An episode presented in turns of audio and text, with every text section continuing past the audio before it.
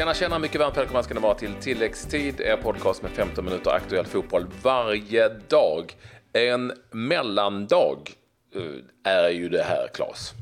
Ja, men det får man ju säga, för det, det kommer en helg där det sprakar till ordentligt med eh, mängder av eh, fina derbyn, framförallt på lördag. Men det får vi återkomma till en annan dag helt enkelt. I det här programmet så ser vi fram emot till exempel det här. Zlatan Ibrahimovic kanske tillbaka i Manchester United redan till helgen. Mm, mer problem för Everton i deras jakt på ny tränare. Watford nobbar budet för Marco Silva. Och Aubameyang avstängd av disciplinära skäl. Vad kan han ha gjort? Ja, vi spekulerar i det förstås. Men innan vi kastar oss över de här ämnena så går det ju liksom inte att släppa miraklet i Milano. Nej, det gör ju inte det. Det, eh, det är fantastiskt. Och nu när alla lag också då är VM-klara, även Peru och eh, sidningsgrupperna sitter där, så blir det ju att man eh, går ju och klurar lite på det där och njuter fortfarande av avancemanget. Och av den anledningen så har vi ju tagit tillfället i akt och ringa upp en av de här dolda hjältarna som inte alltid får sin röst hörd på samma sätt eftersom ja, vi intresserar oss för andra uppenbarligen. Eh, och det är ju Peter Wettergren som hyllas av så många eh, assisterande tränare till Jan Andersson. Välkommen till tilläggstid Peter. Stort tack. Ja, eh, nervositeten har lagt sig förstår jag. Har det infunnit sig någon, någon, någon slags trötthet istället? Eller att man bara... Ja, det är väl en tomhet mer. Jag vet, jag pratade om det när jag vunnit guld med Elfsborg första gången. Man har inte varit med om någonting så stort. Så så blev det ganska tomt dagen efter och jag, och jag hade svårt att känna några känslor efter, efter matchen. Det, det, man är så liksom inne i det och när domaren blåser av och man springer ut på plan och firar och så man kommer i omklädningsrummet så blir det liksom, man vet inte om man ska vara glad, ledsen eller arg eller, ja det är jätteskumt det där alltså. Jag vet inte hur jag ska förklara det men nu i efterhand här, de här dagarna har man ju mått ganska bra även om man har varit ganska, mm, ja, trött då. Ni är ju lite speciella ni, ni tränare så, så ni ser ju alltid om matcher i, in absurdum ibland. Hur många gånger har du sett den här matchen? Jag har faktiskt bara sett om eh, matchen en gång. Både en, en gång i Stockholm, i Stockholm, den såg jag direkt efter. Och sen har jag sett den matchen i Italien. Men eh, jag har inte jobbat med den. Nu ska jag nörda ner mig lite i den här och ta ut bra exempel och ta ut dåliga exempel som vi behöver rätta till. Då.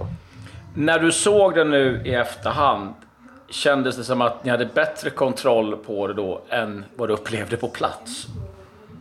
Ja, men så är det generellt när man sitter och tittar på en match. Eh, det finns många matcher man gått igenom, man har en känsla när man går av matchen. Och där man tycker att det brukar vara ganska dåligt så brukar man få en ganska positiv bild när man ser den sen, för det är inte så dåligt som man trodde. Och ibland kan man känna att det här var riktigt bra och då kan man också känna efter när man sitter och tittar att det här var inte lika bra som jag kände när jag satt där. Så att eh, men, men jag tycker liksom, jag är inte... Jag är, jag är ganska glad när jag ser bilderna ändå, för det är inte så att Italien... Jag fick en, en känsla av att de hade hur mycket chanser som helst ibland, men eh, det, det, det, har jag liksom fått en annan bild. Det är klart att de har bollen väldigt mycket och, och kontrollerar spelet, men jag tycker ändå vi ligger väldigt bra i våra positioner. Och det här eh, heta jätteläget eh, ja, förutom det med Granen slår bort den på mållinjen, eh, tycker jag inte att de har liksom. Det blev ju ett kaotiskt läge i samband med att ni fick eh, göra ett tidigt byte på, på Jakob Johansson eh, efter hans olyckliga skada. Eller kaotiskt och kaotiskt, men det blev ett jobbigt läge i andra halvlek. Eller hur? hur? Hur mycket kaos var det där i frågan om hur man skulle, ni skulle byta eller inte byta? Men det är alltid så där när det händer en skada så, där, så vill man ju eh, liksom snabbt få veta för det, man har ju inte råd att spela med en man mindre mot ett lag som Italien och det har man inte mot andra lag heller. Men om man ser på de här dubbellandskamperna så, så tror jag vi har haft nytta av att vi, vi har fått kritik från någon men vi har ju bytt en del matcher när vi har spelat träningsmatcher. Att de som inte spelar första matchen mot spela andra och det blir man hjälpt av i sådana här lägen. För match, första matchen startar Albin, kunde inte spela andra, Jakob går in och det var inga problem. Han blir skadad, Gustav kommer in. Alltså de har varit med hela tiden och det är väl en fördel som vi har haft när vi har gjort som vi har gjort. Uh, han vet exakt hans roll, han vet exakt vad han ska göra. Det, fast det är klart att det blir kaotiskt när det blir en skada på det här sättet och att vi fick göra ett tidigt byte. För mellan någonstans har man också med sig att det kan bli förlängning. Folk kommer att bli trötta. Ja, det var väl mer det som gick runt i mitt huvud i alla fall. Alltså det, det har ju varit en, en, en lång säsong, höll jag på att säga, men ett långt kval. Jag menar, du och Janne eh, har inte jobbat eh, på det sättet tidigare. Vad, vad har ni lärt er under vägen eh, och under det här playoffet? Ja, men det är klart, man var lite osäker när man gick in i det. Var står vi? Hur ska vi jobba? Vi har liksom fem träningar på oss innan vi möter Holland utan att vi har sett, träffat dem. Jag kände en del spelare genom att jag har varit scout innan mot Erik och Janne kände väl några av dem från Norrköping och de man hade mött och sådär. Men eh, jag tycker vi har lärt oss om att är man är tydlig med sin spelidé och man eh, liksom planterar det väl hos sina spelare och de ställer upp på det så, så kan det gå ganska fort liksom innan man får resultat. Jag är oerhört eh, glad över hur spelarna har ställt upp på, på det Janne och jag har velat eh, göra just hur vi ska spela fotboll och det har varit nyckeln till att vi har klarat att avgå till ett slutspel. Ja, var det här möjligt egentligen, helt ärligt, om du hade funderat på det bara för ett år sedan? Alltså, det, jag kan ju säga helt ärligt, när jag hoppade på det här och jag såg vilken grupp vi skulle vara i så, så kände jag väl att EM är det stora målet med det här. Men alla tävlingar man ställer upp i vill man ju liksom göra så bra man kan och någonstans så fanns det ju en tro att eh, ja, vi, vi fixar det här liksom. Och ju längre kvalet gick desto mer tro vart det ju både hos mig och hos laget. Och, och när vi slog Frankrike hemma så kände jag att det här är möjligt liksom. Det här, det här kan vi göra. Sen blev det lite jobbigt också. Vi, alltså både Janne och jag bestämde vi får dem vi får i lottningen, Vi kan inte påverka det. Och nu i efterhand så var väl eh, kanske Italien eh, den svåraste på pappret. Men samtidigt är det en jäkla utmaning. Och, som på något sätt tror jag passar lite den svenska mentaliteten att slå i underläge och inte ha den pressen på sig. Och, och Italien är ju ganska förutsägbara ändå om man spelar fotboll, även om de gör det väldigt, väldigt bra och, och är taktiskt skickliga liksom, så kanske de inte Eh, har den här eh, Inzaghi-forwarden eller de forwards som har haft genom åren, utan de har väl inte den här givne målgöraren. Så att, äh, jag, jag trodde att det fanns en bra, ett bra, en bra chans för oss om vi gjorde allting rätt och som Janne har sagt några gånger att vi kommer på personbästa. Nu, eh, eh, eh, nu är jag kanske eh, inne och, och lite, eh, famlar lite på hemlighet här, men ni pratar ju också om, ofta om grunderna och när spelarna kommer tillbaka så, så går vi tillbaka och går igenom grunderna. Vad, vad är grunderna om man tittar som anfallsspel, försvarsspel?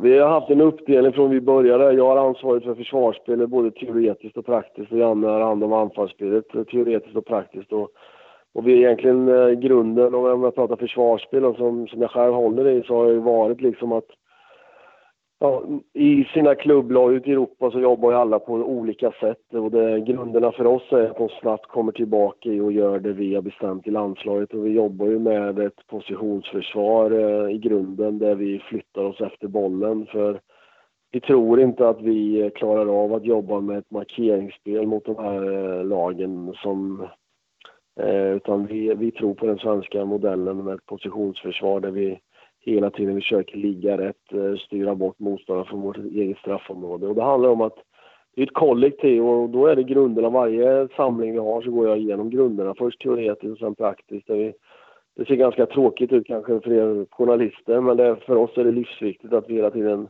jobbar med det. Att alla ska veta exakt vad man ska göra och vi vill ju ha, involvera alla våra 20, 23 spelare så att Ibland får man vara Sverige, ibland får man vara motståndare och så får man sparra och så jobbar vi med grunderna. Jag blåser av så fort det försvarande laget eh, vinner bollen och jag kan lägga bollen på lite olika ställen. Den här situationen kan dyka upp. Vad gör vi? Hur agerar vi? Så att spelarna har liksom tagit mer och mer ansvar ju längre det här har gått och jag tror att eh, de, de allra flesta vet exakt hur de ska agera idag.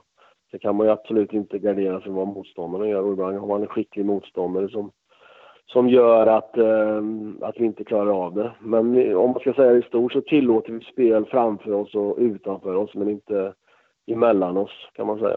Jag håller med om att det är rätt tråkigt att titta på men det, det, det kan ju fortfarande vara intressant eh, den här typen av träning. Eh, jag tror inte den är så rolig att träna heller som spelare men, men fortfarande nyttig. Så, eller hur?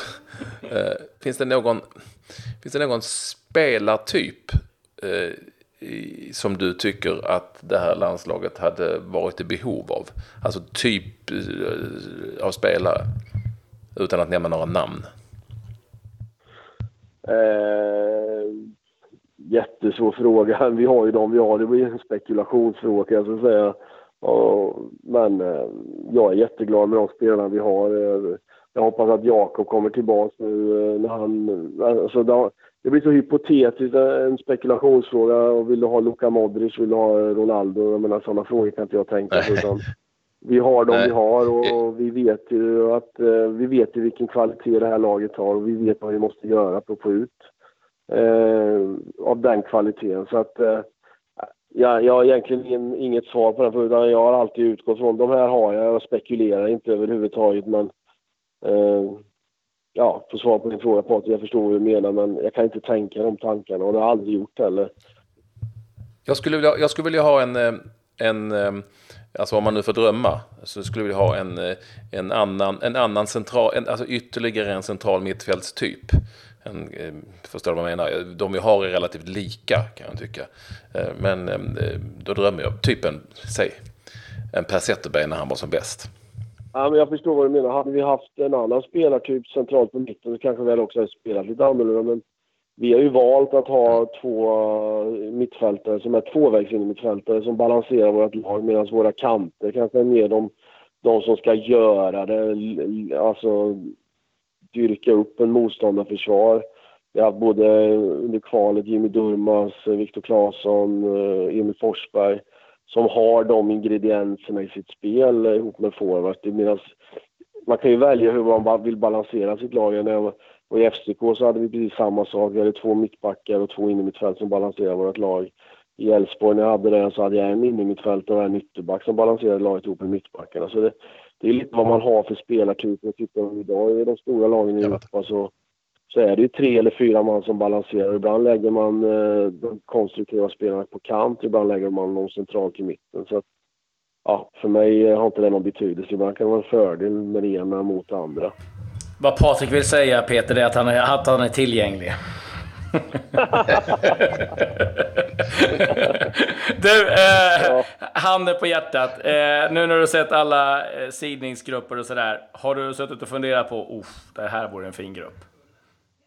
Nej, alltså det, jag, jag har gjort det för, förr eh, när man såg de här potterna när vi skulle spela Europa med Elfsborg och sånt där. De vill vi möta, de vill möta. Alltså, men vad fan, jag kan inte göra någonting åt den lottningen. Det blir de det blir och eh, det är bara att köpa läget. Så att eh, det är klart att det finns eh, bra lag och fantastiska lag och mindre bra lag i de här grupperna. Men varför ska jag fokusera på det liksom? Det, vi får dem vi får liksom och vi ska göra det bästa av det. Och det viktigaste för mig är att man inte får bli nöjd nu bara för att man har gått till ett VM eller till ett kval innan Italien. Vi, det ska finnas en hunger fortfarande. Och vi vet liksom att eh, sätter vi våra, då får motståndaren vara jävligt bra om de ska slå oss liksom.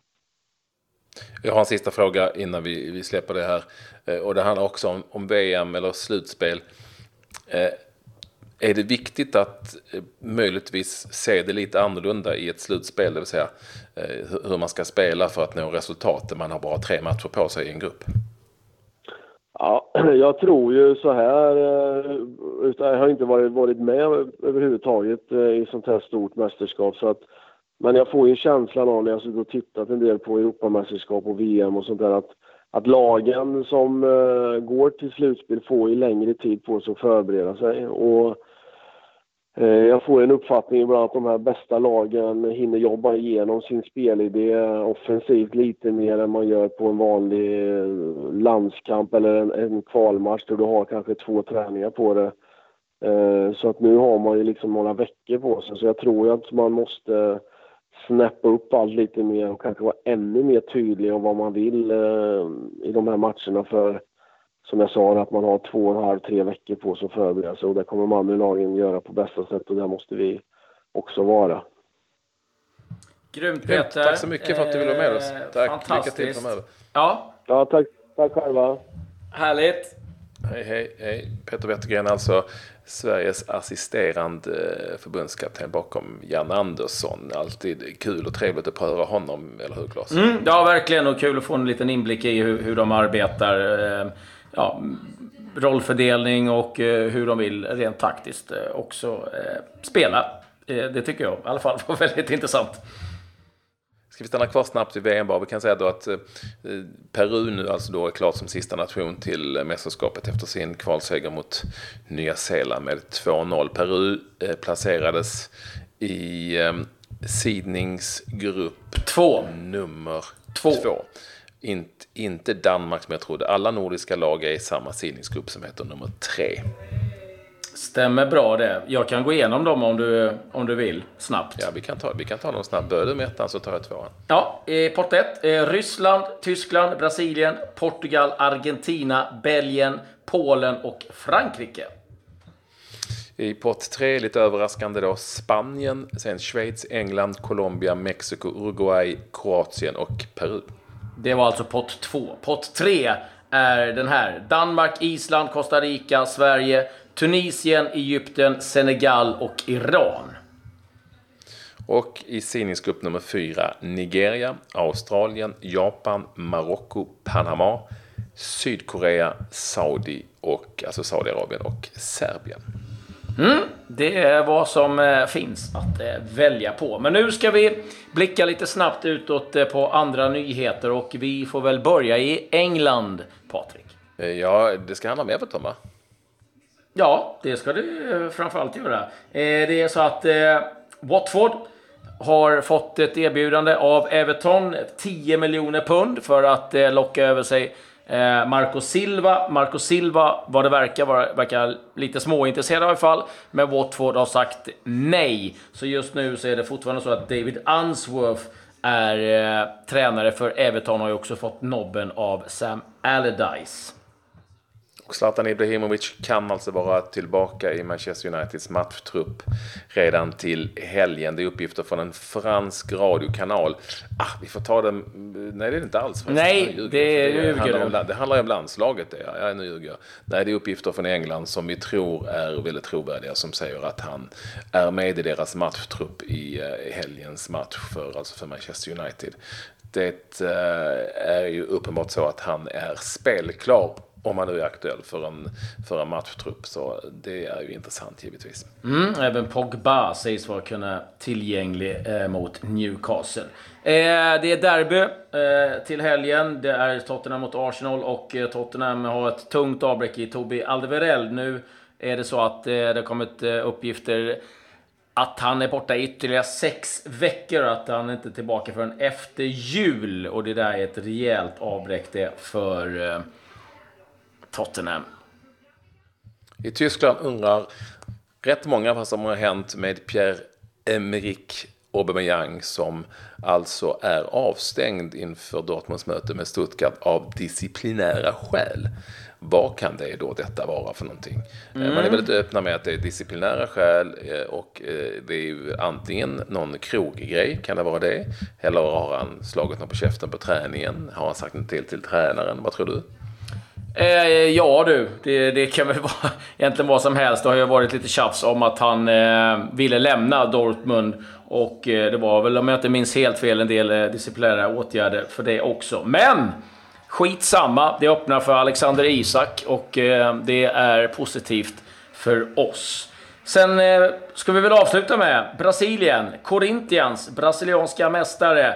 Tre omgångar kvar. Man slog Fluminense med eh, 3-1 och eh, det var Jo, han som spelade i Manchester City, han gjorde två mål. Sen en annan spelare som eh, var en riktig flopp i Celtic, Colin Kazim Richards, också med i laget som såg till att det mästare för sjunde gången. Så Corinthians mästare, Gremio, just nu på en andra plats. Härligt! Eh, kul att ni vill vara med oss även denna mellandag. Det blir en int- väldigt intressant fotbollshelg på klubblagssidan nu efter landskamperna och playoff här. Så häng med oss! Adjö.